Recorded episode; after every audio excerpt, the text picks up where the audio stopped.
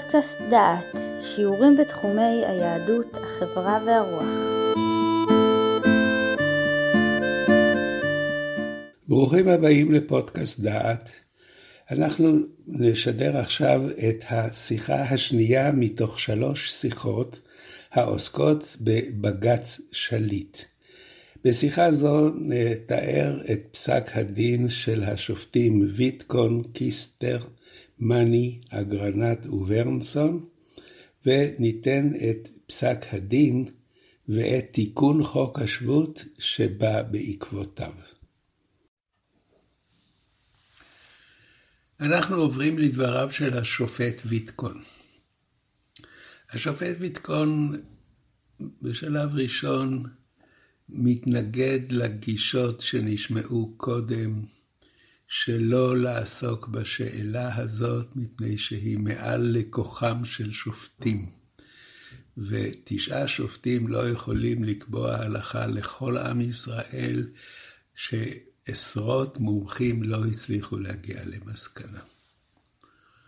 והוא ממשיך ואומר, יש מקרים שבהם נאלץ בית המשפט להביע דעה על שאלה אידיאולוגית כבסיס לפסיקתו. ברור שמקרים אלה לא תמיד רצויים הם.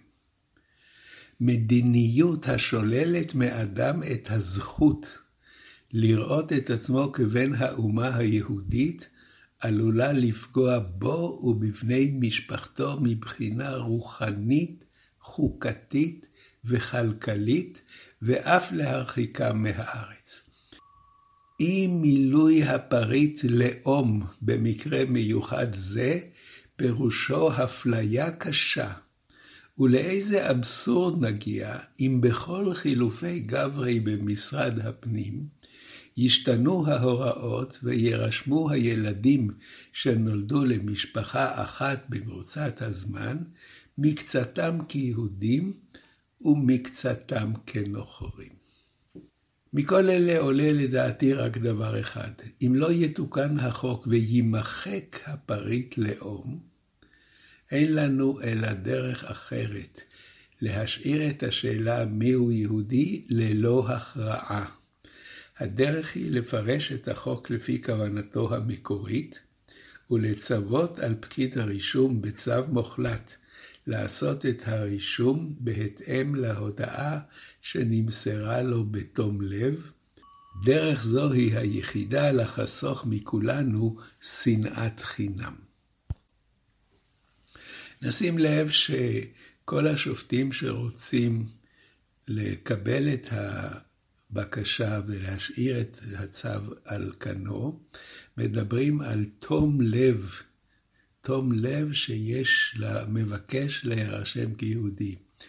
בעוד שאחרים אומרים שאם הוא לא היה פנאט, פנאט אתאיסט, היה בוחר פתרון ולא קרב. אנחנו עוברים עכשיו לשופט קיסטר. השופט קיסטר, אני חייב לציין שהוא היה שופט דתי שהמשפט העברי היה נר לרגליו. וכך אומר השופט קיסטר.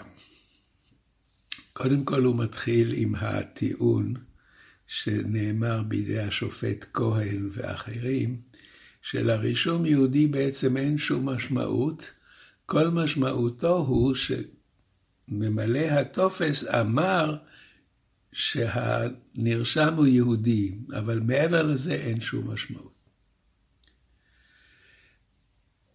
משמעות הסעיף הוא, כותב השופט, שבבית המשפט אין זאת ראייה אף לכאורה. זאת אומרת שהרישום יהודי אין לו שום משמעות, אבל אם אין לו שום משמעות, מדוע הוא כל כך חשוב שהוא יגרום לסבל ולעזיבת הארץ? חזקה על מרשם, כותב השופט קיסטר, שמה שכתוב בתעודה ציבורית נבדק והוא נכון. ויש אנשים, ובמיוחד בחוץ לארץ, שאינם יודעים כי אין זו ראייה אף לכאורה. אה, וכאן צריך לציין שדווקא אחרי העלייה מרוסיה, כשעלו אה, אנשים, חלקם יהודים וחלקם לא יהודים, הדרך, המיון הראשון לדעת מיהו יהודי היה הרישום בתעודת הזהות. ואם אתה אומר שזה לא ראייה אף לכאורה, אז, אז מה, כל ה, מה כל הדבר הזה צריך להיעשות? כפי שעולה מעצם ההגדרה, ממשיך השופט, של האומה הישראלי, המונח יהודי הוא לפי המושגים המודרניים, מושג לאומי ודתי כאחד, ואין להפריד ביניהם. מכאן נובע גם כן כי אין לפצל את ההצטרפות לעם היהודי להצטרפות לעם ישראל לחוד והצטרפות לדת ישראל לחוד. ההצטרפות לעם מתבצעת על ידי גיור, אל אשר תלכי אלך, ובאשר תליני אלין, עמך עמי ואלוהיך אלוהי. באשר תמותי אמות, ושם אקבר. כה יעשה אדוני לי וכה יוסיף, כי המוות יפריד ביני ובינך. אלה הם הדברים האלמותיים שאמרה רות המואבייה בהצטרפה לעם ישראל. הדרך הנכונה לפי כל השיטות וכל הדעות הדוגלות ברישום אמת היא שפקיד הרישום שבידו מסמכים רשמיים על הורים של נולד, ירשום לפיהם את השתייכותו הלאומית של הילד. ואם שני ההורים משתייכים ללאומים שונים, מחייב השכל הישר כי ייכתב שהאב מלאום פלוני והאם מלאום פלמוני. אכן, לגבי יהודים מאפשרת ההלכה לייחס את הילד ללאום האם, והפקיד יכול לעשות כך לגבי ילדים שההלכה חלה עליהם. כי נוכח המסורת של עם ישראל במשך תקופה כה ארוכה, בוודאי מוכר הילד עם הלידה כחלק של העם היהודי. כאשר אם חיה בזוגיות קבועה עם נוכרי, שבידו הכוח הממשי לגדל את ילדיהם כנוכרי, התעוררה בהלכה השאלה אם רואים את הילד כמומר רק שאחר גדל כנוכרי, או מיד, מאחר שהוסר מלידה. לפי הגישה האחרונה שרואים אותו מיד כנוכרי, אם רוצה הוא להצטרף לעם היהודי, יש צורך בגיור. בסופו של דבר הנני בדעה שאין להתערב בפעולות המשיבים, כאשר הם רושמים את האמת לאמיתה לכל הדעות, ולכן יש לבטל את הצו על תנאי ולדחות את העתירה.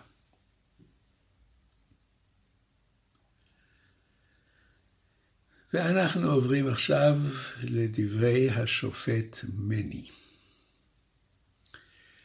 הפסקים שלו בדרך כלל קצרים, וכך גם פסיקה זו.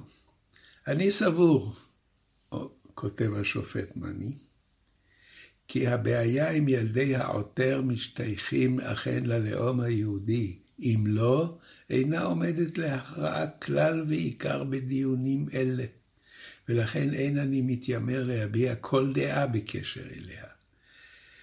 כל שאני מחליט הוא זה.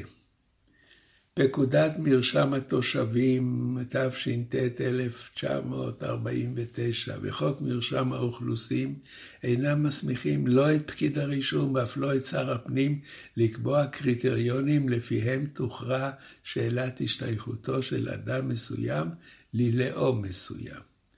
בנסיבות העניין הנדון, ומטעמים שפורטו על ידי חבריי הנכבדים, השופטים זוסמן והשופט כהן, לא הייתה ברירה בפני פקיד הרישום, אלא לרשום את לאומם של ילדי העותר, בהתאם להודעות שנמסרו לו. מטעמים אלה גם אני בדעה שיש לעשות את הצו על תנאי מוחלט. ועכשיו אנחנו מגיעים לדבריו של הנשיא השופט אגרנט. הוא פותח במשפט מחץ. הנני מצטרף למסקנתו ועיקרי נימוקיו של חברי השופט לנדו. נשאלת השאלה, בשים לב לכך שלפנינו בעיה של השקפת עולם, אשר השלכותיה השונות מקנות לה אופי מיוחד במינו.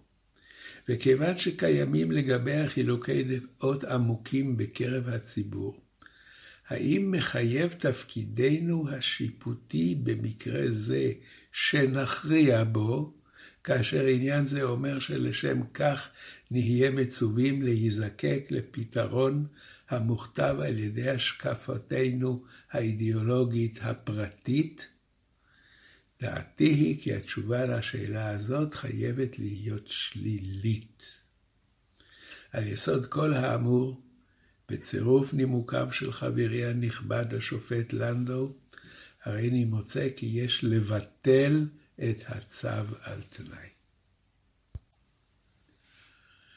אנחנו עוברים עכשיו לדבריו של השופט ברנזון, והוא מתחיל עם תיאור של עובדה של ילד שהיה מחבל, שגדל והיה למחבל. והוא כותב, ראש המחבלים ממזרח ירושלים, ילוד אישה יהודייה ואיש מוסלמי, שנשא את נפשו להרוג, לאבד ולהשמיד את מדינת ישראל, כבן ברית יחשב, וכבן הלאום היהודי, ואילו בנו ובתו של רב סרן יהודי, הלוחם את מלחמות ישראל, כחסרי לאומיות יהודית יחשבו.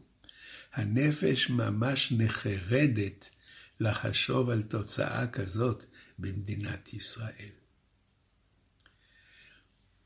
לטיעון זה ענה השופט קיסטר בפסק דינו, והוא כתב ככה: זיווגים חופשיים ונישואים בין יהודיות וערבים, לא רק שהיהודיות מתבוללות בדרך כלל במשפחות הערביות, והצאצאים נטמעים בין הערבים, אלא שמצינו בין צאצאים אלה אנשים המצטרפים לאויבי עם ישראל ומדינת ישראל.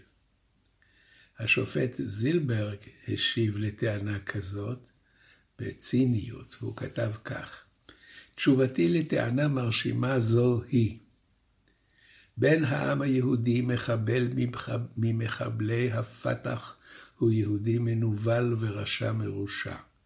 ילדי העותרים הם, לעומת זאת, ילדים לא יהודים, נחמדים ומסכנים, אשר בשל התנגדותם העיקשת של הוריהם אל הדת, לא זכו בכרטיס כניסה אל הלאום היהודי. יהדות איננה פרס הניתן לאדם כמו דוקטורט של כבוד בשל זכויותיו ופעולותיו למענה. יהדות היא תואר דתי משפטי החל רק בתנאים מסוימים, וילדי העותרים לא מילאו את התנאים ההם. ואנחנו חוזרים עכשיו לדבריו של השופט ברנזון, והוא כותב כך, סיכומו של דבר, פסיקתה של ההלכה הדתית בעניין לאומיותו של תושב הארץ אינה יכולה לשמש בסיס לפסיקת בתי המשפט האזרחיים במדינת ישראל. המחוקק גם הוא לא נתכוון לכך, לא בחוק השבות ולא בחוק מרשם האוכלוסין, ששניהם חוקים חילוניים, והאחרון חל על כל תושבי הארץ, חוק מרשם האוכלוסין, ללא הבדל דת ולאום. על כל פנים, לא פקיד הרישום הממלא תפקיד טכני מובהק, או השר הממונה עליו לצורך ביצוע התפקיד הזה, הם שיכריעו בשאלות אלה. על פקיד הרישום לעשות את הרישום בהתאם להודעה שנמסרה לו בתום לב, כאשר זו אינה נראית כמופרכת על פניה. סיכמנו עכשיו את עמדות השופטים. נותר לנו להציג את פסק הדין את הבעיות שעורר, את התגובות לפסק הדין ואת ההמשך הפוליטי שהיה לו.